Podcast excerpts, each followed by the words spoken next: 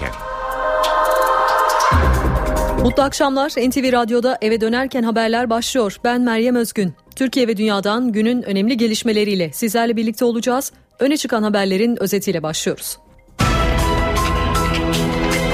İstanbul Ok Meydanı'nda Berkin Elvan ve Soma'da hayatını kaybeden madenciler için anma eylemi yapmak isteyen gruba polis müdahale etti. Eylemlerle ilgisi olmayan bir genç başından yaralandı. Hastaneye kaldırılan gencin durumu ağır. Türkiye Odalar ve Borsalar Birliği'nin genel kurul toplantısı Başbakan ve CHP liderinin karşılıklı atışmasına sahne oldu. Yeni anayasa, sivil cumhurbaşkanı tartışması ve diktatör benzetmesi ortamı gerdi. Kılıçdaroğlu konuşması sırasında ne de, top yöneticilerine de tepki gösterdi. Soma'daki maden den sağ çıkan işçiler bugün Ankara'daydı. Başbakan, Çalışma Bakanı, Enerji Bakanı ve muhalefet temsilcileriyle görüşen işçiler can güvenliği ve tazminat güvencesi istedi.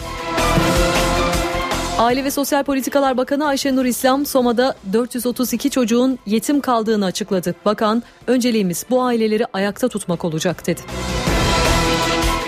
Başbakan Erdoğan Köln ziyareti öncesi Alman mevkidaşı Angela Merkel'le görüştü.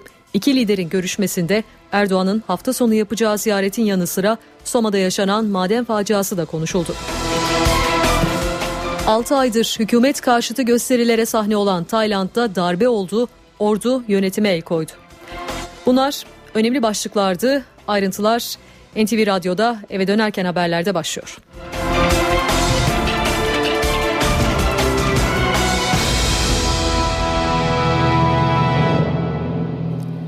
İstanbul Ok Meydanı'nda Berkin Elvan ve Soma'da hayatını kaybeden madenciler için anma eylemi yapmak isteyen gruba polis müdahale etti. Çıkan olaylarda bir kişi başından vuruldu. Yaralanan gencin gösterici olmadığı, o sırada cemevindeki cenaze törenine katıldığı ifade ediliyor. Ayrıntıları olayın nasıl geliştiğini ve yaralı gencin sağlık durumunu NTV muhabiri Can Ertun aktarıyor. Yaralanma bir ateşli silahtan. Sabahın erken saatlerinden itibaren Ok Meydanı sokaklarında protesto gösterisi vardı. Soma'da yaşanan faciadaki olası ihmaller, Berkin Elvan'ın hayatını kaybetmesi protesto ediliyordu. Polisin müdahalesi geldi. Bu sıralarda ajanslara bazı görüntüler yansıdı. Olay anında e, bir polis aracına zırhlı akrep olarak bildiğimiz bir araç atılan bir molotof kokteyli isabet etti. Araç tutuşmaya başladı ve araçtan inen polisler e, ateşli silahlarını çıkarttılar ve ateş etmeye başladılar. Burada çok sayıda avukat var. O ateş sırasında bir kişi yaralanmıştı. ağır yaralı ve şu anda ameliyata alınmış durumda ve burada çok sayıda avukat var. Onlardan olayın ayrıntılarına ilişkin bazı yeni bilgiler de alabiliyoruz. Çağdaş Hukukçular Derneği'ne bağlı avukatlar o sırada Ok Meydanı Cem Evi'nde bir cenaze töreni oldu ve yaralanan kişinin aslında o törene katılan bir kişi olduğunu belirttiler. Aynı zamanda bu kişi Beyoğlu Belediyesi'ne bağlı bir temizlik işçisiydi. Taşeron temizlik işçisi olduğu bilgisi de avukatlar tarafından iletildi. Yine onların verdiği bilgiye dayanarak aktarıyorum. Vurulan kişinin kurşun sağ yanağından girerek ensesinde takılı kalmış durumda ve kendisi bu şekilde yoğun bakıma alındı ve ameliyatı sürüyor. Ok Meydanı'ndan çok sayıda kişi var. Burada ameliyatın sonucunu bekliyorlar. Aynı zamanda kısa bir süre önce Cumhuriyet Halk Partisi İstanbul İl Başkanı Oğuz Kaan Salıcı da buraya geldi. Az önce de aktardım avukatlar var. Berkin Elvan'ın babası Sami Elvan da buradaydı. Yaralının son durumu hakkında o da bilgi almaya çalışıyor. Gelişmeleri aktarmayı sürdüreceğiz ancak bir açıklama daha geldi. İstanbul Valisi Hüseyin Avni Mutlu da yaşanan bu olayı değerlendirdi. O açıklamaya da kulak verelim aldığım bilgiler e, Molotov kokteyli saldırılar oldu. Özellikle e, orada görev yapmakta olan bir grup polis memuruna ve Shortland araca yönelik Molotovlu saldırılar olduğu yönünde. Bu saldırılar sonrasında da e, bir çatışma var ve çatışmada da silahla yaralanan bir genç var 30 yaşında. Ee, öncelikle e, yaralı e, gencin şifa bulmasını temenni ediyorum. Ok Meydanı'nda Eğitim Araştırma Hastanesi'nde müdahaleler yapıldı. Şu anda ağır yaralı olduğunu biliyoruz ama e, hastanemiz bütün imkanlarını kullanarak gerekli olan müdahaleleri e, yapıyorlar. İnşallah kurtulacaktır. Bütün dileğimiz, temennimiz budur. Olayın nasıl geliştiği, nasıl olduğu, nasıl bir yaralanma hadisesi vuku bulduğu elbette ki yapacağımız soruşturmalar sonucunda belli olacak. Ee, elbette e, kullanılan bir silah var. E, medyada yansıyan silahlı görüntüler var. Bütün bu çerçevede bütün mahiyetleriyle detaylarıyla hem adli hem idari tahkikatlar yapılacak. NTV Radyo Türkiye Odalar ve Borsalar Birliği Genel Kurulu'nda kürsüye çıkan Başbakan ve ana muhalefet lideri iş adamlarının önünde birbirlerine yüklendi. Öne çıkan 3 başlık vardı. Yeni anayasa, sivil cumhurbaşkanı tartışması ve CHP liderinin başbakana yönelttiği diktatör eleştirisi. Bakın bu ülkenin başbakanına diktatör ifadesini kullanan kişiler var. Karşımda şu anda bulunuyorlar. Tayyip Erdoğan diktatör olacak sen meydanlarda dolaşacaksın öyle mi? Bana diktatör diyorsun. Sen nasıl diyorsun caddede geziyorsun diyor. Ben diktatör olsaydım sen gezemezdin diyor. E zaten bizi rahat bırakmıyorsun ki. Türkiye Odalar ve Borsalar Birliği'nin genel kurulu Başbakan Erdoğan ve CHP lideri Kılıçdaroğlu'nun söz düellosuna sahne oldu. Genel kurulda önce Başbakan Erdoğan konuştu. Kılıçdaroğlu'nun Cumhurbaşkanı sivil olma sözünü hatırlattı. Ne diyor başkan? Sivil bir cumhurbaşkanı diyor. Sen nesin? Sivil değil misin? Hadi aday ol. Ben de sivilim. Sayın Demirel sivil değil miydi? Hala apoletti arıyorsanız o ayrı bir mesele. Bana sordular. Eski bir genel kurmay başkanı Cumhurbaşkanı adayı olursa destekler misiniz? Sivil birisi olması gerektiğini söyledim. Sen de sivilsin ben de sivilim diyor. E ben zaten sana bir şey demedim ki. Başbakan CHP liderine anayasayı değiştirmek için yeni bir çağrı yaptı. Bütün Türkiye'ye sesleniyorum. Tayyip Erdoğan sözünün adamıdır. Eğer sözlerinin adamı ise gelsinler beraber bunu yapalım. 60 maddede uyum var, uzlaşma var. Gelin bu 60 maddeyi çıkaralım. Biz onların samimiyetine inanmıyoruz. Samimiyse gelin şu darbe hukukunu değiştirelim. Temel sorun nedir biliyor musunuz? Temel sorun aslında anayasa değildir. Temel sorun darbe yasalarıdır, darbe. Başbakan Erdoğan konuşması tamamlandıktan sonra Kılıçdaroğlu'nun konuşmasını dinlemeden salondan ayrıldı. Türkiye Odalar ve Borsalar Birliği Genel Kurulu'nda liderler arasındaki tartışmanın yanı sıra bir de protokol krizi çıktı. CHP lideri kendisine başbakandan sonra söz verilmesine tepki gösterdi. TOB'un değerli yöneticilerine seslenmek istiyorum. Siz neden bu protokol kurallarına uymuyorsunuz? TOP Genel Kurulu'nda protokol gerilimi yaşandı. Konuşması biten başbakan CHP Genel Başkanı Kılıçdaroğlu'nu dinlemeden salondan ayrıldı. Kılıçdaroğlu konuşma sırasına tepki gösterdi. Geçen yıl gelememiştim. Davet edilmediğim için. Bu yıl davet edildim geldim. Genel kurullarda devlet erkanı geldiği zaman konuşmalar hangi sırayla yapılır? Protokol kuralı vardır. Konuştu ve ayrıldı. Neden beni dinlemiyor? Cesaret edemiyor. Başbakanı uğurlayan Top Başkanı da CHP liderinin konuşmasının 13 dakikasında salonda yoktu. Kılıçdaroğlu'na Divan Başkanı Erdal Bahçıvan yanıt verdi. Türkiye Odalar Borsalar Birliği'nin genel kurullarında her zaman geçmişten bugüne konuşma sırasında devlet ricalinin programına göre muhtelif değişiklikler yapılabilmiştir. Genel kurulda Başbakan ve Kılıçdaroğlu tokalaşmadı. MHP Genel Başkanı Devlet Bahçeli'nin yerine Genel Başkan Yardımcısı Emin Haluk Ayhan katıldı. Kılıçdaroğlu ekonomi rakamlarından bahsederken eski bakan Ali Coşkun, Başbakan Yardımcısı Ali Babacan'a hesap makinesi verdi. Bakanlar kürsüye çıktığında ise dinleyici sıraları boştu. Başbakan Recep Tayyip Erdoğan Koç grubuna bağlı Ford Otosan'ın Kocaeli'deki fabrikasının açılış törenine katıldı. Başbakan açılışta yaptığı konuşmada yerli otomobilin önemine vurgu yaptı. Türk yatırımcılara inanıyorum. İnşallah yerli otomobil üreteceğiz dedi. Başbakan Erdoğan Türkiye'nin yerli otomobil hayaline hiç olmadığı kadar yakın olduğunu savundu. NTV Radyo Soma'daki madende eksikleri tespit edemedikleri gerekçesiyle iş müfettişleri eleştirilmiş, Çalışma Bakanı Faruk Çelik denetçileri de denetleyecek bir mekanizma geliştirdiklerini söylemişti. Bugün Manisa Barosu bir adım attı ve faciadan önce o madende denetim yapıp eksik olmadığı raporu veren iş müfettişlerinin de soruşturmaya dahil edilmesini istedi. Faciadan sağ kurtulan işçiler de tanık sıfatıyla ifade vermeye başladı. Ayrıntıları Soma'dan NTV muhabiri Özden Erkuş aktarıyor. Özden. Aslında facianın gerçekleştiği günden bu yana eleştirilerin odağındaydı. İş güvenliği müfettişleri ve denetmenler konuştuğumuz pek çok maden işçisi benzer biçimde denetimlerin yeterli ciddiyette yapılmadığını, denetmenlerin üstün kör denetimlerinin ardından ocaklardan ayrıldıklarını, işlere verilmesi gereken en az 48 saatlik eğitimin ise verilmediğini iddia etmişlerdi. İşte bu iddialar doğrultusunda Manisa Barosu savcılığa başvurdu.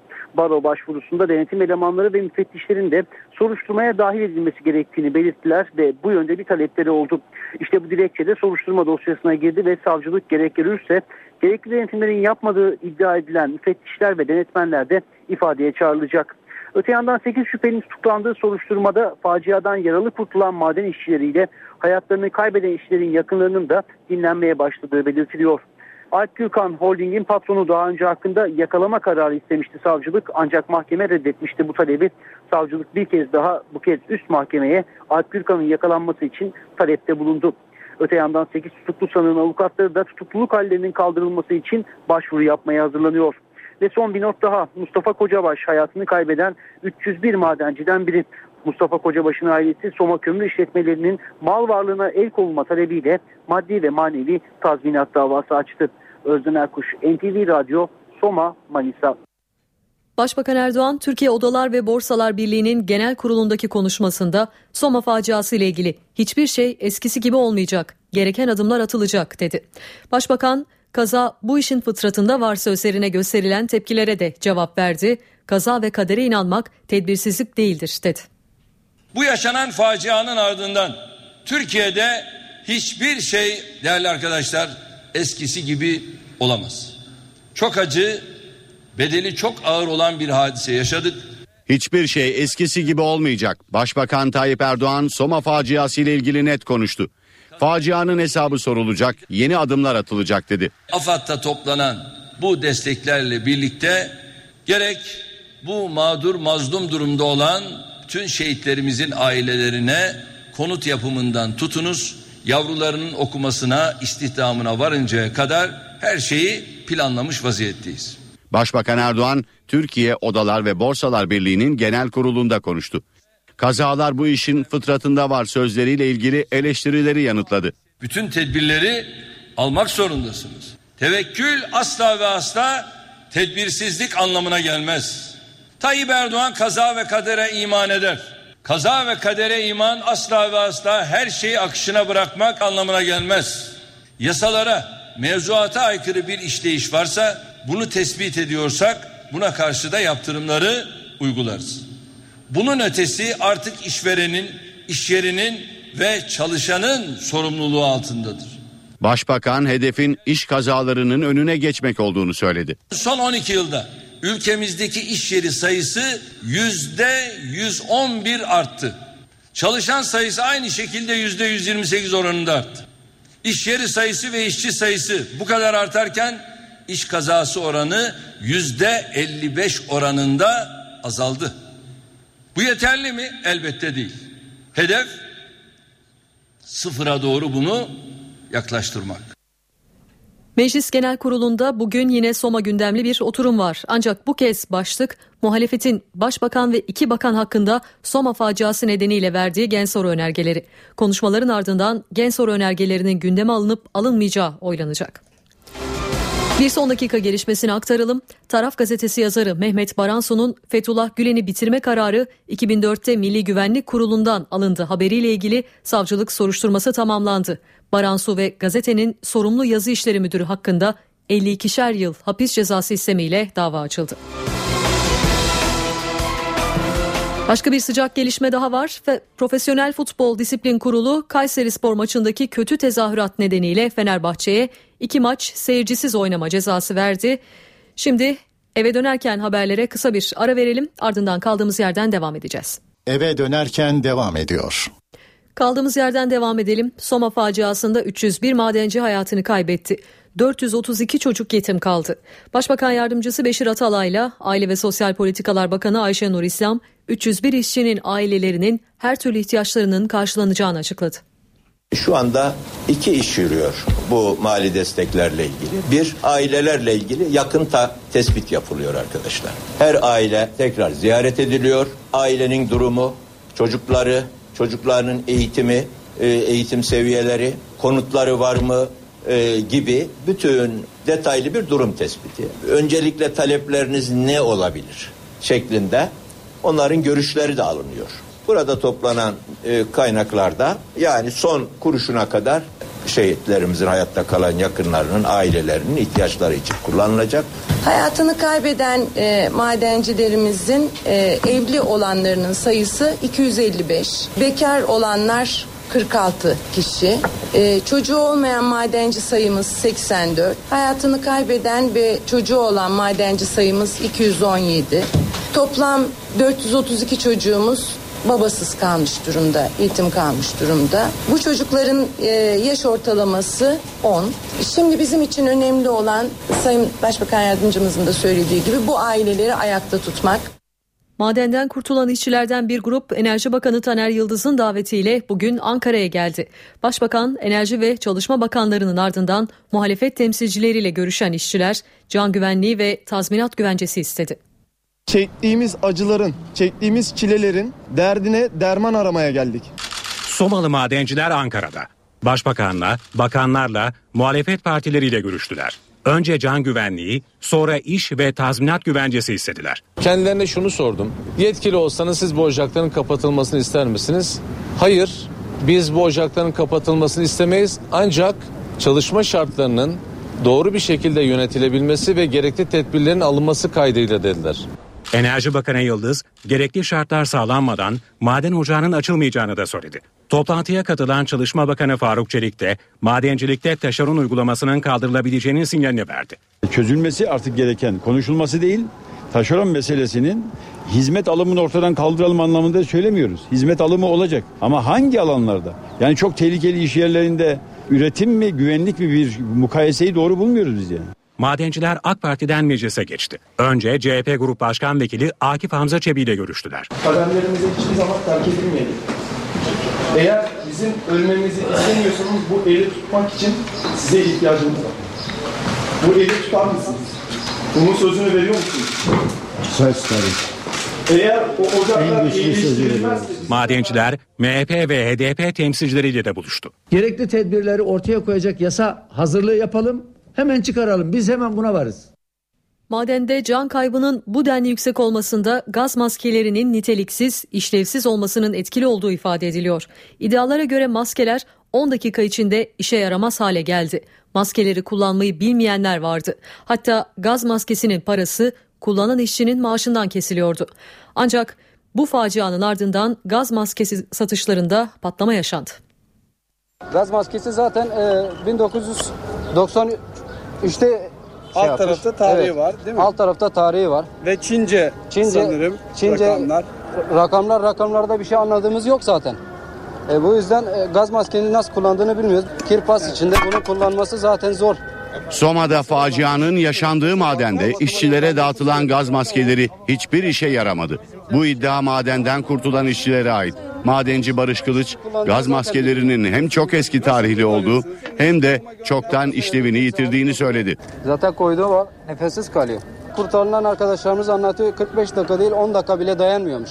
Madenlere bunlarla mı iniyordu? Madenlere herkes bunlarla iniyor. Bunlar canımızı kurtaracak diye taşıyor da kalbu gibi işe yaramıyormuş. Sadece bir çöp. Maskeyi gereksiz açan madencilere işletme tarafından ceza kesildiği de iddialar arasında. Barış Kılıç da aynı nedenle cezalandırılan işçilerden. 2007'de 600-650 lira maaş alıyordum. Maaşın %50'sini benden kestiler gaz maskesi için. Soma'daki maden faciasının ardından işletmeler de önlemlerini arttırdı. Özellikle gaz maskesi satışlarında artış oldu. Merkez Bankası faizleri düşürdü. Para Politikası Kurulu %10 olan politika faizini ya- yarım puan indirerek %9,5'a çekti. Gecelik borç verme ve borçlanma faizlerinde ise değişikliğe gidilmedi. Merkez Bankası belirsizlikler ve risk primlerindeki iyileşmeyi indirim kararına gerekçe olarak gösterdi. Peki bu indirim mevduat faizlerinde etkiler mi? Ekonomist Mustafa Aşkın'ın değerlendirmesini dinliyoruz. Merkez Bankası piyasa faiziyle uyumlu bir faiz seviyesine getirdi 9.5'a çekerek. Bankacılıkta özellikle e, kredilendirme sürecinde bunun yansıması biraz daha zaman alır ama mevduat faizlerinin biraz daha aşağı gelmesi çok daha kısa sürede gerçekleşebilir. İndirimin para ve sermaye piyasalarını nasıl etkilediğine bakalım. Gözler görülür. Önemli bir değişiklik olmadığını söyleyebiliriz. Borsa İstanbul şu sıralarda 77.728 seviyesinde. Serbest piyasada dolar 2 lira 8 kuruş, euro 2.84'ten işlem görüyor. Kapalı çarşıda ise Cumhuriyet altını 586, çeyrek altınsa 142 liradan satılıyor. NTV Radyo'da eve dönerken haberlere saat başından itibaren devam edeceğiz. Eve dönerken devam ediyor. Saat 18 NTV Radyo'da eve dönerken haberler devam ediyor. Günün öne çıkan haberlerinden satır başlarını hatırlatalım. İstanbul Ok Meydanı'nda Berkin Elvan ve Soma'da hayatını kaybeden madenciler için anma eylemi yapmak isteyen gruba polis müdahale etti. Eylemlerle ilgisi olmayan bir genç başından yaralandı. Hastaneye kaldırılan gencin durumu ağır. Türkiye Odalar ve Borsalar Birliği'nin genel kurul toplantısı Başbakan ve CHP liderinin karşılıklı atışmasına sahne oldu. Yeni anayasa sivil cumhurbaşkanı tartışması ve diktatör benzetmesi ortamı gerdi. Kılıçdaroğlu konuşma sırası nedeniyle Türkiye Odalar ve Borsalar Birliği yöneticilerine de tepki gösterdi. Merkez Bankası %10 olan politika faizini yarım puan indirerek %9,5'a çekti. Kararın ne gibi yansımaları olacağını Profesör Güngör Uras'la konuşacağız. Küçük Gizem'in katiline müebbet istendi. Adana'da akrabası tarafından öldürülen 6 yaşındaki Gizem Akdeniz'le ilgili dava açıldı. Sanık Süleyman Akdeniz için ağırlaştırılmış müebbet hapis cezası istendi. Disiplin Kurulu Kayseri Spor maçındaki kötü tezahürat nedeniyle Fenerbahçe'ye iki maç seyircisiz oynama cezası verdi. Öne çıkan haberlerden satır başları böyleydi. Şimdi ayrıntılara geçelim.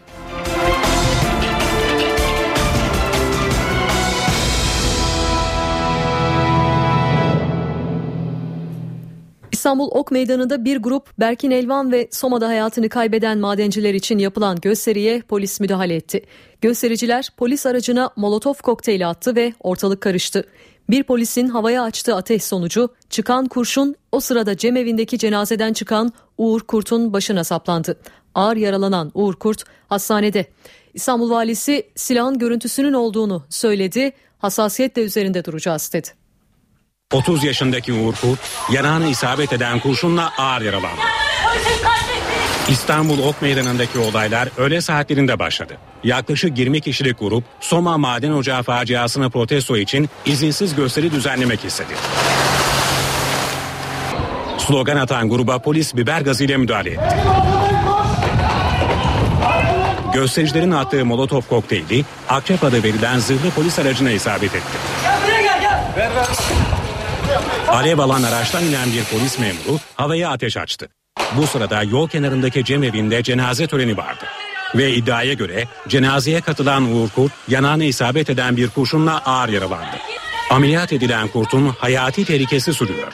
CHP İstanbul İl Başkanı Oğuz Kağan Salıcı, Ok Meydanı Hastanesi'ne giderek Uğur Kurt'un durumu hakkında bilgi aldı. Silahla yaralanıyor. Yarım saate yakın biber gazından ve oradaki uygun olmayan ortamdan dolayı yarım saat boyunca cemevi bahçesinden çıkarma imkanı olmuyor.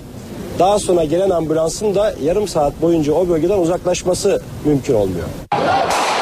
İstanbul Valisi Hüseyin Abi Mutlu yaptığı açıklamada silah kullanımı ile ilgili inceleme yapılacak dedi. Elbette e, kullanılan bir silah var. E, medyada yansıyan silahlı görüntüler var. Bütün bu çerçevede bütün mahiyetleriyle detaylarıyla hem adli hem idari tahkikatlar yapılacak. İstanbul Emniyet Müdürlüğü'nden yapılan yazılı açıklamada ise göstericilerin İTO Lisesi'ni işgal etmek istedikleri belirtildi. Uğur Kurt nereden geldiği belli olmayan ateşli silahla yaralandı denildi. NTV Radyo Başbakan Recep Tayyip Erdoğan Koç grubuna bağlı Ford Otosan'ın Kocaeli'deki fabrikasının açılışında gündeme ilişkin mesajlar verdi. Başbakan Soma faciasının ardından sokakların karıştırılmak istendiğini söyledi. Son bir yıl Türkiye için zor geçti dedi. Daha fazla ayrıntıyı NTV muhabiri Deniz Tüysüz aktaracak. Deniz. Başbakan Recep Tayyip Erdoğan burada yaptığı konuşmaya Soma'da meydana gelen facia sonrasında hayatını kaybedenlere bir kez daha taziye dileklerini dile getirdi ve Soma ile ilgili cümleler kurdu konuşmasının ortasında ve bağlantılı olarak ilk şu cümleyle başladı. Son bir yıl herkes için ama iş dünyası için özellikle sıkıntılı geçti. Gezi ve 17-25 Aralık darbe girişimleriyle tehdit edildi Türkiye. 30 Mart'ta Türkiye'de demokrasiden başka bir yol olmayacağı herkese gösterdi millet dedi ve Soma'dan sonra sokakların bir kez daha hareketlendiğini gördük. İçeride ve dışarıda çok ağır saldırıların yapıldığını görüyoruz. Türkiye'de de demokrasinin güçlenmesinden rahatsız olanlar, bizi yavaşlatmak isteyenler var. Tüm bu saldırılar benim şahsımdan öte bu güzel ülkeme yöneliktir. Bunlar hükümetten önce Türkiye'nin imajına yöneliktir. Bu saldırılar 77 milyonun ekmeğine yöneliktir. Mısır ve Ukrayna'ya bakıldığında neyle karşı karşıya bırakılmak isten bırakılmak istendiği de bellidir açıklamasında bulundu. Soma faciasından sonra meydana gelen bazı sokak olaylarıyla ilgili Başbakan Erdoğan'ın gündeminde yerli otomobiller de vardı.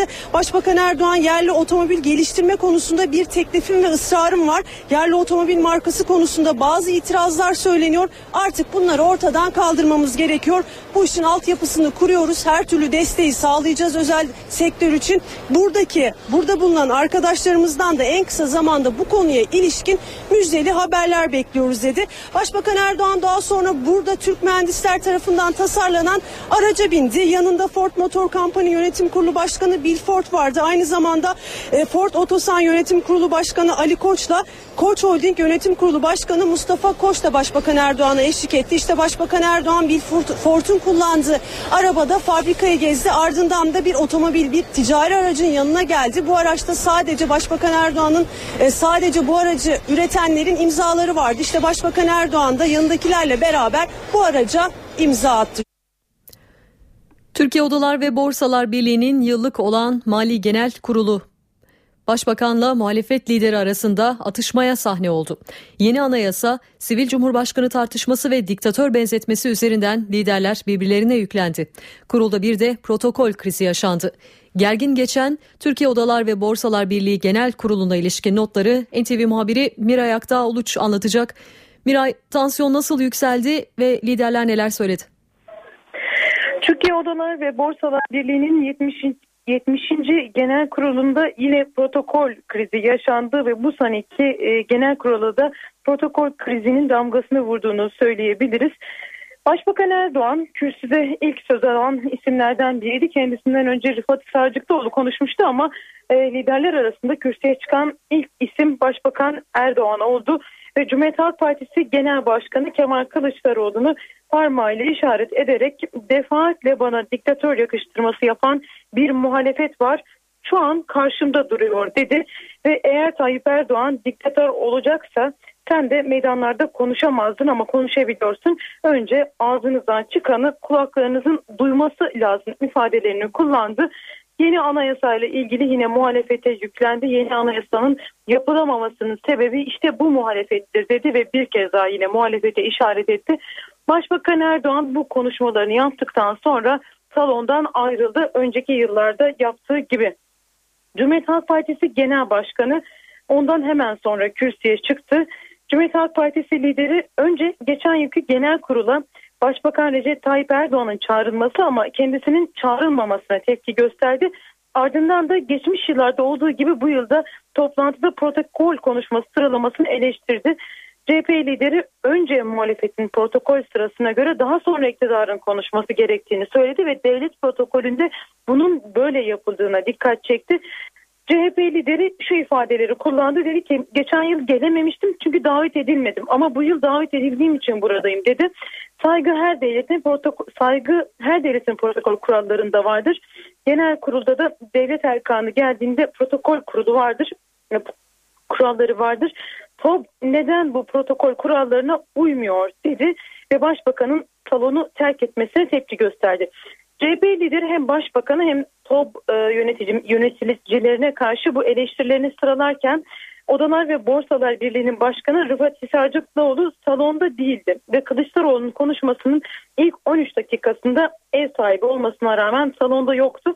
Kılıçdaroğlu'nun konuşması bittikten sonra cevabı CHP liderine yanıt olarak genel kurulun divan başkanı Eda Bahçıvan verdi ve dedi ki geçen yıl sadece seçim gündemiyle toplanmıştı genel kurul. Seçim delegelerinin katılımıyla oldu. Hiçbir protokol ya da daveti olmadı dedi. Başbakan Erdoğan'ın orada gelerek konuşma yapmasıyla ilgili herhangi bir açıklama getirmedi. Top genel kurullarında konuşma sırasının geçmiş yıllardan beri bu şekilde olduğunu ifade etti ve devlet protokolünden farklı bir protokol uyguladıklarını söylemeye çalıştığı mesajını aldık biz. Milliyetçi Hareket Partisi'nin genel başkanı Devlet Bahçeli de e, bu seneki toplantıya katılmayan isimlerden biriydi. Önceki yıllarda olduğu gibi Dikkatimizi çeken notlardan biri şuydu. CHP Genel Başkanı salona en son gelen isimlerden biriydi. Devlet erkeğine otururken Kılıçdaroğlu e, kimseyle el sıkışmadı. Aynı şekilde Başbakan Erdoğan da liderlerin arasında herhangi bir el sıkışma olmadı. CHP Genel Başkanı salondan ayrılırken bakanlarla tokalaştı. Cumhuriyet Halk Partisi Genel Başkanı'nın eleştirileri ekonomi rakamları ile ilgili de ekonomiyle ilgili eleştirileri vardı.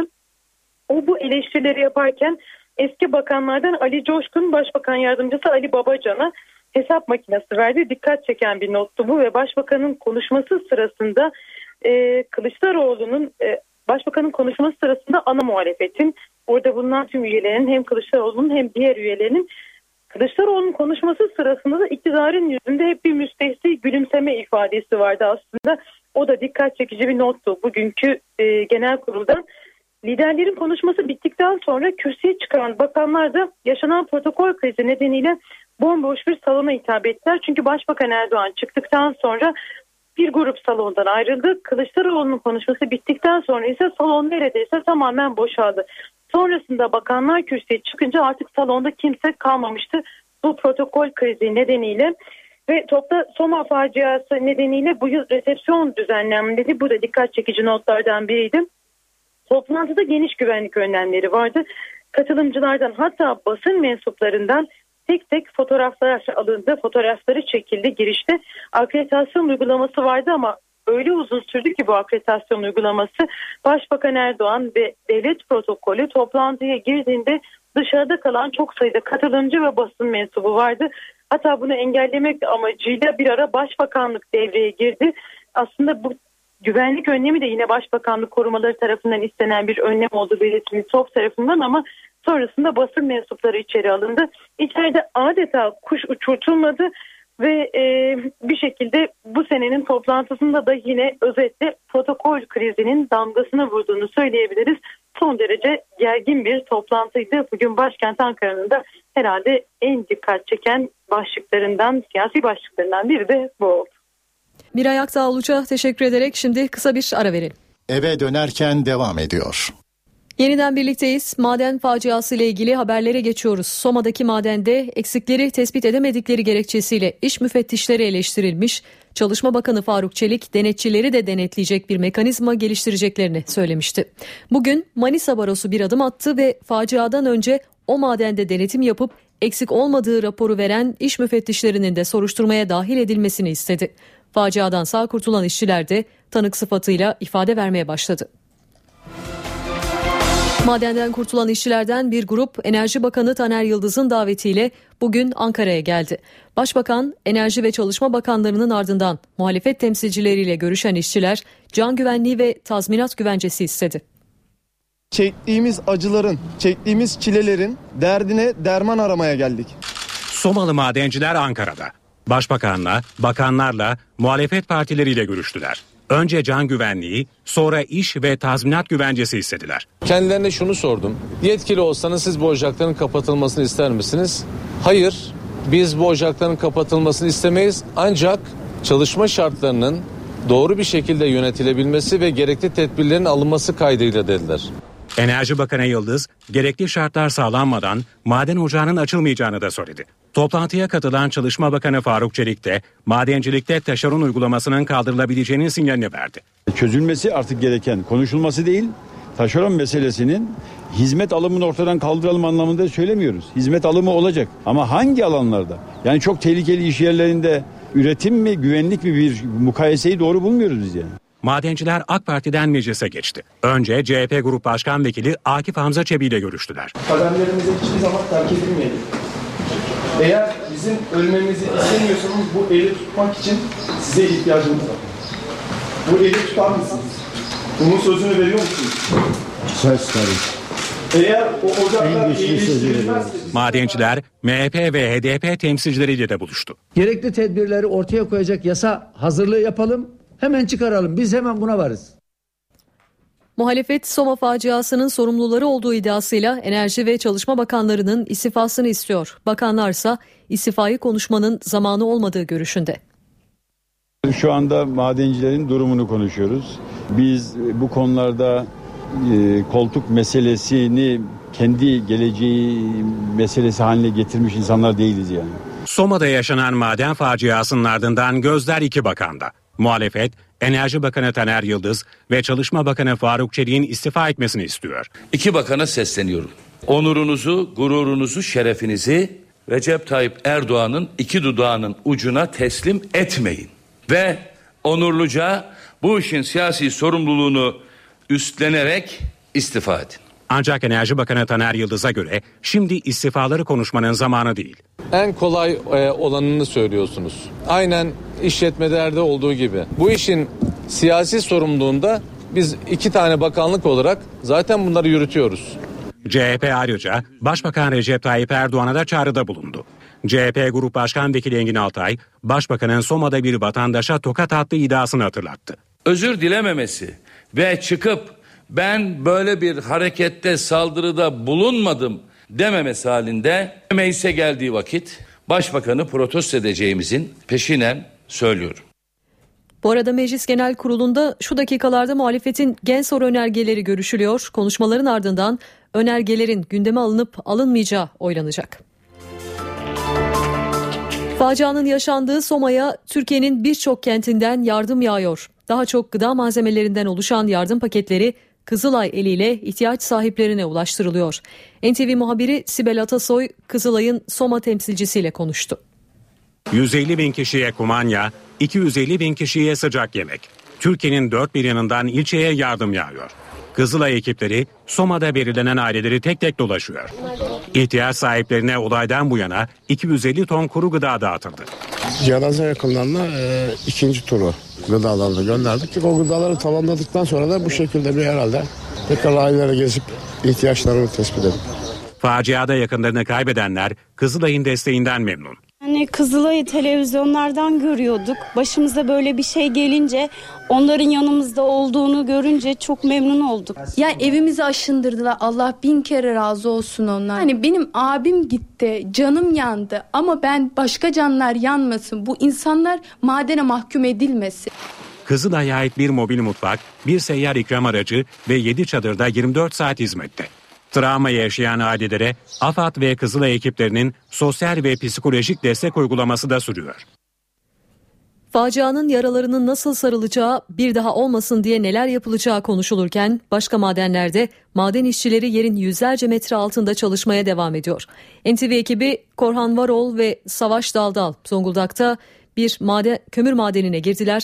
5 yıl önce o madendeki bir göçükten kurtulan ve yer altında çalışmaya devam eden maden işçisi Adem Dönmez'le konuştular.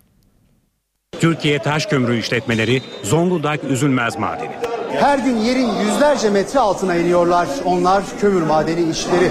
Bugünlerde keyifleri hiç mi hiç yok. Soma'da yaşanan o korkunç kaza onları derinden etkilemiş durumda. Şu anda da vardiya değişim saati. Sabah işe başlayanların işleri bitti ve yerine yeni işçiler başlayacak. Çünkü maden ocağında iş hiç bitmiyor. İşte onlardan biri Adem Dönmez. İşe ilk böyle mi başlıyorsunuz? Evet. Nedir kıyafetler? Gösterirseniz. Temiz elbiseleri çıkarıyoruz evden geldiğimiz elbiseleri. İş elbiselerini e, giyiyoruz. Neler var onların arasında? Bunların içinde iş yerinin verdiği pantolon, ceket, baret. Giyindikten sonra sıra lambahanede. Buradan sonra e, maskelerimizi almaya gidiyoruz. Sonra da onları kaza anında yaşama bağlayan maskeler. Hayata bağlayan, hayata tutunan bu maskeler bizim için. Bunlar çok önemli. Biz bunları hiç bırakmıyoruz. İş yerinde devamlı lamba gibi arkamızda çalışıyoruz. Biraz ağır ama ne yapalım? Henüz madene inmeden, iş başlamadan dakikalar geçiyor. Ocakta her şey saatle çalışıyor. Evet şimdi mesai madencinin hayatı yeryüzünden itibatı kesme olayı burada başlıyor. Her şeyimizi aldık ailelerimizle vedalaştık. Yemeğimizi, maskemizi, lambamızı, baretimizi aldık. kafese bineceğiz. Zor koşullar altında madencilik hayatı başlayacak. Adem Dönmez 5 yıl önce bir maden kazasında göçükte kalmış. Saatlerce kurtarılmayı beklemiş. Hala madene giriyorsunuz. Korkmuyor musunuz? Korkuyorum ama girmek zorundayım. Hayat koşulları, üç çocuk babası. O anları hiç unutmuyor. Göçükte kaldığımda ben maskenin sayesinde kurtuldum. Maske beni öldü diye bıraktılar göçükte. Ben maskeyi parçalarını ata ata yarım saat arayla maskenin parçalarını attım. Benim amirlerim, müdürlerim, çavuşlarım bu adam ölmedi diye beni kurtarmak için mücadele ettiler. Her gün o kazayı hiç unutmadan yine iniyor madene. NTV Radyo Gündemdeki diğer haberlere bakalım. Adana'da evinin önünde oynarken kaçırılıp öldürülen 6 yaşındaki Gizem Akdeniz'in katil zanlısı Süleyman Akdeniz hakkında ağırlaştırılmış müebbet hapis cezası istendi. Adana Cumhuriyet Başsavcılığı'nın yürüttüğü soruşturma bugün tamamlandı. Hazırlanan iddianamede şüpheli hakkında kendini savunamayacak çocuğu canavarca hisse eziyet çektirerek öldürmek suçundan ağırlaştırılmış müebbet hapis cezası istendi. Katil zanlısının yargılanmasına önümüzdeki günlerde Adana 7. Ağır Ceza Mahkemesi'nde başlanacak. Taraf gazetesi yazarı Mehmet Baransu'nun Fethullah Gülen'i bitirme kararı 2004'te Milli Güvenlik Kurulu'nda alındı haberiyle ilgili savcılık soruşturması tamamlandı. Baransu ve Taraf gazetesinin sorumlu yazı işleri müdürü hakkında 52'şer yıl hapis cezası istemiyle dava açıldı. Soruşturmayı yürüten Anadolu Cumhuriyet Başsavcılığı zanlılara devlet güvenliğine ilişkin belgeleri temin etme, siyasal veya askeri casusluk suçlarını yöneltti.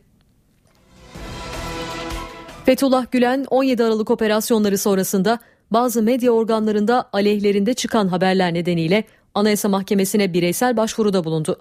Gülen, iftira niteliği taşıyan haberler yerel mahkemelerce yayından kaldırılmadığı için kişilik haklarının ihlal edildiğini savundu. Çözüm sürecinde yeni bir yasal düzenlemeye gidilir mi? Başkent kulislerinde bu yönde bir adım atılabileceği yönünde haberler var. Gazeteciler konuyu en yetkin isimlerden birine, Başbakan Yardımcısı Beşir Atalay'a sordu. Atalay, yeni çalışmalar olabilir, süreç yürüyor dedi. Başkent Ankara'da çözüm sürecine ilişkin hareketli günler yaşanıyor. Başbakan Yardımcısı Beşir Atalay, sürece ilişkin yeni çalışmalar olabilir mesajı verdi. Bu konularda daima biliyorsunuz e, biz çok çalışma yaptık. Daima yeni çalışmalar olabilir. Süreç yürüyor. Ankara'da haftanın ilk günü Başbakan Erdoğan, 7 bakanı ve MİT müsteşarıyla toplantı yapmış, bu zirvenin gündemi de çözüm sürecini değerlendirme olarak duyurulmuştu. Şu günlerde doğru görüşmelerimiz oldu. Zaman zaman oluyor zaten. Diyalog mekanizmalarımız kesilmiyor. Ama yaptığımız çalışmalarla ilgili veya yapacağımız e, biz kendimiz açıklama yaparız. Bizden duymadıkça e, teyit etmeyin. Yani o konuda pek çok çalışma var. Her zaman olabilir. E, o süreci tabii çözüm sürecini biz çok önemli görüyoruz. Bu görüşmeden bir gün sonra HDP Genel Başkan Yardımcısı Sırrı Süreyya Önder'le iki grup başkan vekili Pervin Buldan ve İdris Baluken ise Adalet Bakanı Bekir Bozdağ ile sürpriz bir görüşme yapmıştı. Kulislerde süreçle ilgili alınan kararların ileride suç kapsamına alınmaması için yeni görev tanımları yapılacağı konuşuluyor. Yani çözüm sürecinde ve terörle mücadelede alınan kararların sorumlularının korunabileceği ifade ediliyor. Doğu ve Güneydoğu'da PKK'nın lise öğrencilerini kaçırdığı haberleri İçişleri Bakanı Efkan Ala'ya soruldu. Bakan Ala bu olaylarla çözüm sürecinin sabote edilmek istendiğini ancak hükümetin süreci başarıya ulaştırmakta kararlı olduğunu söyledi.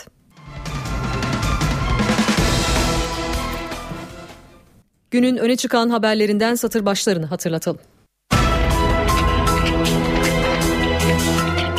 İstanbul Ok Meydanı'nda Berkin Elvan ve Soma'da hayatını kaybeden madenciler için anma eylemi yapmak isteyen gruba polis müdahale etti. Eylemlerle ilgisi olmayan bir genç başından yaralandı. Hastaneye kaldırılan gencin durumu ağır. Türkiye Odalar ve Borsalar Birliği'nin genel kurul toplantısı Başbakan ve CHP liderinin karşılıklı atışmasına sahne oldu. Yeni anayasa, sivil cumhurbaşkanı tartışması ve diktatör benzetmesi ortamı gerdi. Kılıçdaroğlu konuşma sırası nedeniyle Türkiye Odalar ve Borsalar Birliği yöneticilerine de tepki gösterdi. Merkez Bankası %10 olan politika faizini yarım puan indirerek %9,5'a çekti. Kararın ne gibi yansımaları olacağını Profesör Günger Uras'la konuşacağız.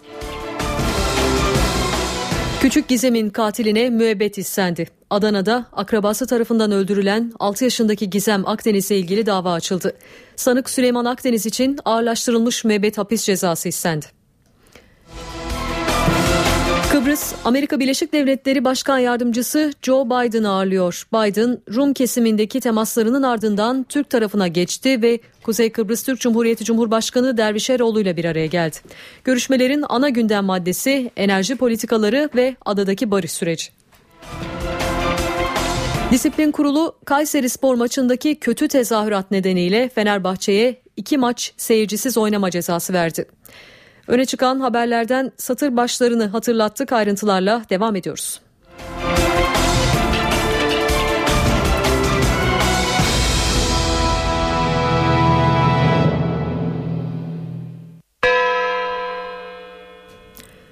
Para ve sermaye piyasalarındaki işlemlere bakalım. Borsa İstanbul günü 78.076 puandan tamamladı. Serbest piyasada dolar 2 lira 8 kuruş, euro 2.84 kuruştan işlem gördü. Kapalı çarşıda ise Cumhuriyet altını 586, çeyrek altın 142 liradan satıldı. NTV Radyo Dünya hayata nasıl bakıyor? Araştırma şirketi Gallup tüm dünyada dün yaşamdan keyif aldınız mı sorusuna cevap aradı. İlk sırada Paraguay çıktı. Son sırada ise iç savaşla boğuşan Suriye. Türkiye 138 ülkede 100. sırada yer aldı. Dünyanın en pozitif ülkesi Paraguay. Onu diğer Güney Amerika ülkeleri takip ediyor. Araştırma şirketi Gallup dünyanın en pozitif ülkelerini sıraladı. Katılımcılara dün yaşamdan keyif aldınız mı, güldünüz mü? Kendinizi dinlenmiş hissettiniz mi? Size saygıyla davranıldı mı gibi sorular soruldu. En pozitif ülkenin Paraguay çıktığı araştırmada Panama ikinci, Guatemala üçüncü oldu. İlk 10 içinde Danimarka dışında bütün ülkeler Orta ve Güney Amerika kıtasından. Türkiye ise listede alt sıralarda yer aldı. Araştırmaya katılan 138 ülke içinde Türkiye 100. oldu. Ortaya çıkan tablo ise mutluluğun ekonomik büyüklükle doğru orantılı olmadığını gösteriyor. Listenin ilk sıralarındaki Paraguay'da kişi başına gelir 1718 dolarken işsizlik oranı da %8'in üstünde. İlk 5'teki ülkelerin ortalama kişi başı geliri de 3200 dolar seviyesinde. Pozitif deneyim endeksine göre dünyanın en büyük ekonomisi Amerika 24. sırada yer aldı. Son sırada ise 3 yılı aşkın bir süredir iç savaşın yaşandığı ve 160 binden fazla insanın hayatını kaybettiği Suriye var. Şimdi kısa bir ara veriyoruz. Eve dönerken devam ediyor. Aranın ardından yeniden birlikteyiz. Merkez Bankası faizleri düşürdü. Para Politikası Kurulu %10 olan politika faizini yarım puan indirerek %9,5'a çekti. Gecelik borç verme ve borçlanma faizlerinde ise değişikliğe gidilmedi. Merkez Bankası belirsizlikler ve risk primlerindeki iyileşmeyi indirim kararına gerekçe olarak gösterdi. Merkez Bankası'nın faiz kararını NTV Radyo programcılarından Profesör Güngör Uras'la konuşacağız. İyi akşamlar Sayın Uras. İyi akşamlar efendim. Efendim Merkez Bankası aylar sonra faizi indirim kararı aldı.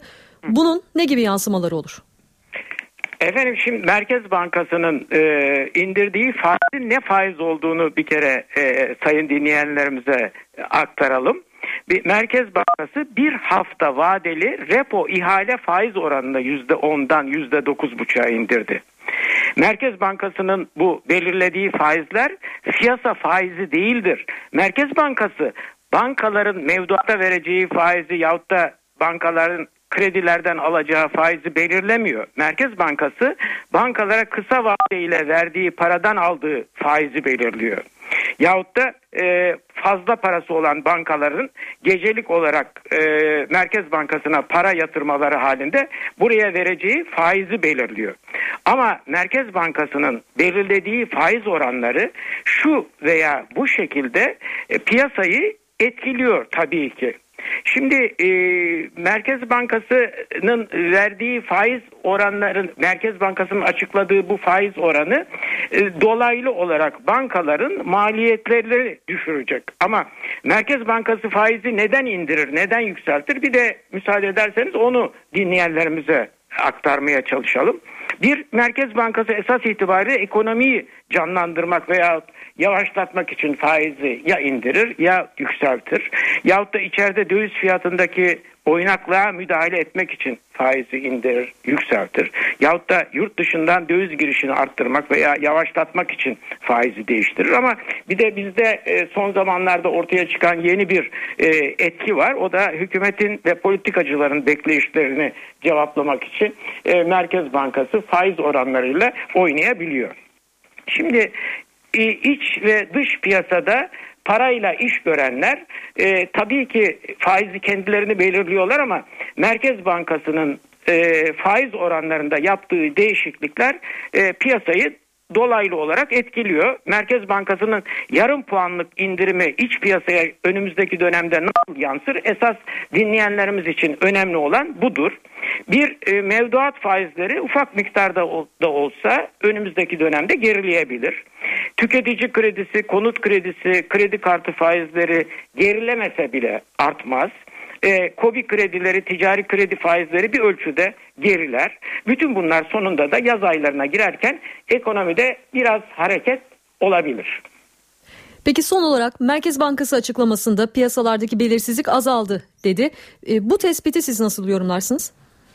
Efendim şimdi e, piyasa piyasamızda e, yaz aylarına girerken genellikle bir hareket olabilir.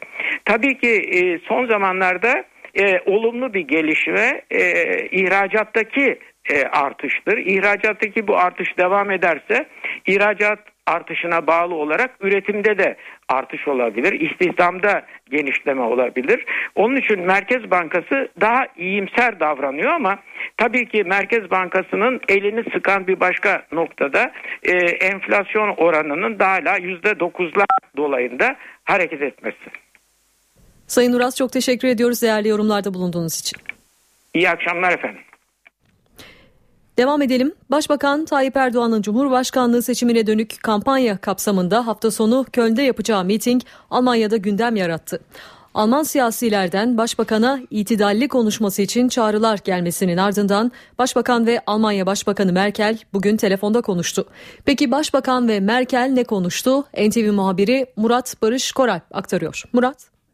Başbakan Erdoğan 24 Mayıs'ta Köln'de bir miting düzenleyecek. Almanya tarafından bu konudaki endişeler birkaç gündür dile getiriliyordu. İkili görüşmede hem Soma'yı konuşmuşlar hem de Başbakanlıktan gelen bilgiye göre şöyle bir ifade var. Başbakanımız Köln'e yapacağı ziyarete Avrupalı Türk Demokratlar Birliği'nin 10. yıl kutlamalarına iştirak edeceğine de değindi. Bağlantının başlangıcında ifade ettiğim gelişmenin bu görüşmede de ele alındığının kanıtı olarak bakabiliriz bu cümleye. Görüşmede ağırlıklı olarak Ukrayna'daki son durumda ele alınmış Başbakanlıktan gelen bilgide bu da var. Başbakanımız diye ifade ediyor. Şansölye Merkel Rusya'nın Kırım'ın uluslararası hukuka aykırı şekilde topraklarına ilhakının kabul edilemez olduğunu ve bunun uluslararası toplum tarafından tanınmayacağını teyit ettiler diyor açıklamada. Son 10 gün içinde gerçekleştirilen ve yuvarlak masa olarak anılan diyalog toplantılarını memnuniyetle karşıladıklarını ifade eden iki lider bu toplantıların Ukrayna'nın toprak bütünlüğünün korunması gerektiği konusunda katılımcıların görüş birliğini doğruladığına dikkat çekiliyor diyor. Başbakanlıktan yapılan açıklamada bu görüşmede Soma'daki faciada ele alınmış şöyle bir ifade var. Şansölye Merkel görüşme vesilesiyle Soma'da hayatlarını kaybeden madenciler için duydukları üzüntüyü dile getirerek tekrar taziye dileğinde bulundu diyor. Görüşme önemliydi bir kez daha altını çizmekte fayda var. Çünkü hafta sonunda Başbakan Erdoğan 24 Mayıs'ta Köln'de bir miting düzenleyecek. Almanya'dan Başbakanın Almanya'ya gitmemesi konusunda bazı açıklamalar geliyordu. Bu görüşme bu kapsamda ele alındığında önemli. Kıbrıs tarihi bir ziyarete ev sahipliği yapıyor. 52 yıl aradan sonra ilk kez Amerika Birleşik Devletleri'nden bir ziyaretçi var. Amerikan Başkan Yardımcısı Joe Biden Kıbrıs'ta. Biden Rum kesimindeki temaslarının ardından Türk tarafına geçti ve Kuzey Kıbrıs Türk Cumhuriyeti Cumhurbaşkanı Dervişeroğlu ile bir araya geldi. Görüşmelerin ana gündem maddesi enerji politikaları ve adadaki barış süreci olacak. Biden akşamda Türk ve Rum liderlerle ara bölgede yemekte buluşacak. Tayland'da iki gün önce olağanüstü hal ilan eden, eden ordu darbe yaptı. Yönetime el koydu. Tayland Genelkurmay Başkanı hükümetin kontrolünü ele aldık açıklaması yaptı. Ordunun düzeni sağlayıp siyasi reform sürecini devam ettireceğini söyledi. Genelkurmay Başkanı'nın açıklaması sonrasında ülke genelinde gece sokağa çıkma yasağı ilan edildi. Ordu protesto gösterilerinin sona ermesi için de harekete geçti. Başkente askerler göstericilerin dağılması için havaya ateş açtı. Çin'in batısındaki Sincan Uygur Özerk bölgesinde iki araçla bombalı saldırı düzenlendi. 31 kişi yaşamını yitirdi. Yüze yakın yaralı var. Çin'de saldırı şoku. Şincan Uygur Özerk bölgesinin başkenti Urumçi bombalı saldırıyla sarsıldı. Saldırganlar içinde bulundukları iki araçla bir pazar yerinde alışveriş yapanların arasına girdi. Araçlarını sürerken çevreye bombalar attı. Ondan fazla patlama sesi duyulurken araçlardan biri de infilak etti. Onlarca kişi yaşamını yitirdi. 90'dan fazla da yaralı var. Çin Devlet Başkanı Xi Jinping gerekli önlemlerin alınacağını ve teröristlerin sert şekilde cezalandırılacağını açıkladı. Urumçi'de geçen ayda bir tren istasyonuna düzenlenen saldırıda da 3 kişi hayatını kaybetmişti.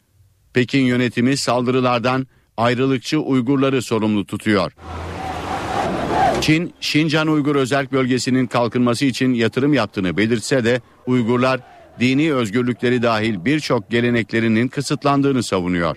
Çinlilerin son yıllarda Şincan'a göçü artmış durumda.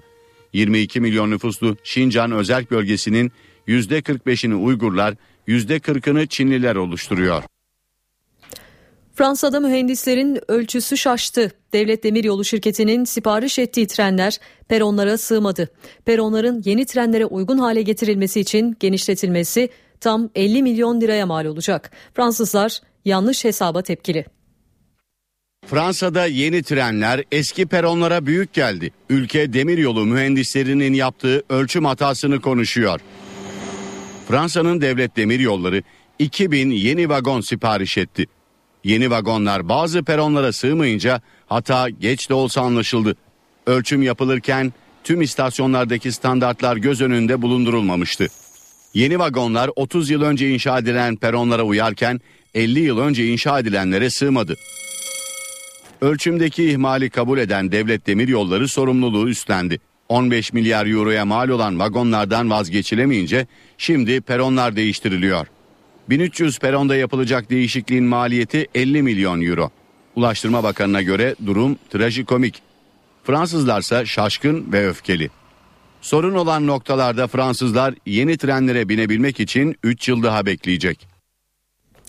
Şimdi yurt geneli için yarınki hava tahminlerini alacağız. NTV Meteoroloji Editörü Gökhan Abur'u dinliyoruz. İyi akşamlar. Batı ve iç kesimlerde sert esen rüzgar ve rel yağışlar hissedilen sıcaklıkları düşürse de sıcaklıklar yükselmeye devam ediyor. Önümüzdeki hafta rüzgarın zayıflaması ve güneye dönmesiyle yurt genel sıcaklıkların daha da yükselmesini bekliyoruz. Yarın Kuzey Ege ve Marmara'da yağış beklemiyoruz. Güney Ege, Doğu Karadeniz ve İç Anadolu'nun batısında daha kuvvetli olmak üzere yurdun diğer kesimlerinde ise yağışlar aralıklarla devam edecek. Akşam saatlerinde Trakya'da hafif yağışlar görülebilir. Cumartesi günü Ege'de yağış görülmeyecek. Trakya'da hafif yurdun diğer kesimlerinde ise yağışlar aralıklarla devam edecek. Pazar günü Ege ve Güneydoğu'da yağış görülmezken yurdun diğer kesimlerindeki yağışlar aralıklarla olsa etkisini sürdürecek. İstanbul'da yarın hava yine bulut. Hafif yağmur da görülebilir. Sıcaklık ise 18 derece hissedilecek. Ankara'da bazı ilçelerde yine sağanak yağmur var. Sıcaklık ise gündüz 23, gece 10 derece olacak. İzmir parçalı bulutlu, sıcaklık gündüz 27 ama gece biraz daha düşecek ve rüzgardan dolayı hissedilen sıcaklıklar daha düşük değerlerde olacak. Hepinize iyi akşamlar diliyorum. Hoşçakalın. Ara veriyoruz saat başında yeniden buradayız. Eve dönerken devam ediyor. Saat 19 eve dönerken haberlerde günün öne çıkan başlıklarını yeniden hatırlayalım. İstanbul Ok Meydanı'nda Soma'daki maden faciasını protesto gösterisi için toplanan gruba polis biber gazı ve tazikli suyla müdahale etti. Bir göstericinin polis aracına molotof kokteyli atmasıyla ortalık karıştı. Bir polis havaya ateş açtı ve o kurşun olaylarla hiç ilgisi olmayan o sırada cemevindeki bir cenaze töreninden çıkan 30 yaşındaki Uğur Kurt'un başına saplandı. Yaralı olarak hastaneye kaldırılan Uğur Kurt'un hayati tehlikesini sürdüğü bildirildi. İstanbul Valisi Hüseyin Avni Mutlu polis kurşunu ile ilgili hassasiyetle inceleme yapılacağını söyledi. Türkiye Odalar ve Borsalar Birliği'nin genel kurul toplantısı Başbakan ve CHP liderinin karşılıklı atışmasına sahne oldu. Yeni anayasa, sivil cumhurbaşkanı tartışması ve diktatör benzetmesi ortamı gerdi. Kılıçdaroğlu konuşma sırası nedeniyle top yöneticilerine de tepki gösterdi. Soma'daki maden faciası ile ilgili yürütülen soruşturmada yeni gelişmeler var. Manisa Barosu Soma kömür işletmelerinin mal varlığının dondurulmasını talep etti. Baro, Soma Holding'in patronu Alp Gürkan ve madende inceleme yapan denetçilerin de soruşturmaya dahil edilmesini istedi. Savcılarsa faciadan kurtulan işçileri dinlemeye başladı. Aile ve Sosyal Politikalar Bakanı Ayşenur İslam, Soma'da 432 çocuğun yetim kaldığını açıkladı. Bakan, önceliğimiz bu aileleri ayakta tutmak olacak dedi. Başbakan Erdoğan Köln ziyareti öncesi Alman mevkidaşı Angela Merkel ile görüştü. İki liderin görüşmesinde Erdoğan'ın hafta sonu yapacağı ziyaretin yanı sıra Soma'da yaşanan maden faciası da konuşuldu. Merkez Bankası %10 olan politika faizini yarım puan indirerek %9,5'a çekti. Adana'da evinin önünde oynarken kaçırılıp öldürülen 6 yaşındaki Gizem Akdeniz'in katil zanlısı Süleyman Akdeniz hakkında ağırlaştırılmış müebbet hapis cezası istendi. Hükümet karşıtı gösterilere sahne olan Tayland'da darbe oldu, ordu yönetime el koydu. Disiplin Kurulu Kayseri Spor maçındaki kötü tezahürat nedeniyle Fenerbahçe'ye iki maç seyircisiz oynama cezası verdi. Kurul Beşiktaşlı Oğuzhan Özyakup'a da gördüğü kırmızı kart nedeniyle iki maç ceza verdi.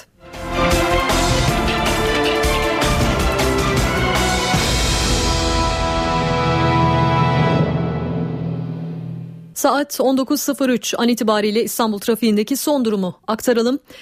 Köprülere bakıyoruz. Avrupa'dan Asya yönüne Boğaziçi Köprüsü'nde yoğunluk Çağlayan'dan başlıyor. Hürriyet, Tepesi, Mecidiyeköy, Zincirlikuyu, Boğaz içi köprüsü boyunca devam ediyor. Sonrasında Altunizade'de de yoğunluk var. Aksi istikamette yine Altunizade'de trafik yoğun. Fatih Sultan Mehmet Köprüsü'ne bakalım. Tem Akşemsettin Viyadüğü'nden Kemerburgaz ayrımına kadar yoğun bir trafik var. Tem Seyrantepe boyunca da Hastal'da yine trafik yoğun. Sonrasında Seyrantepe Tem Masak kavşağında yine yoğun Etiler katılımıyla gişelerde bir süre trafik yoğun. Sonrasında Kavacık'ta trafik normale dönüyor. Aksi yönde yine Kavacık'ta yoğun trafik devamında seyir normal. Eve dönerken haberleri burada noktalıyoruz. NTV Radyo'da kısa bir aranın ardından Cem Dizdar ve Gürcan Bilgiç'le Çift Forvet programı başlayacak. Mutlu akşamlar.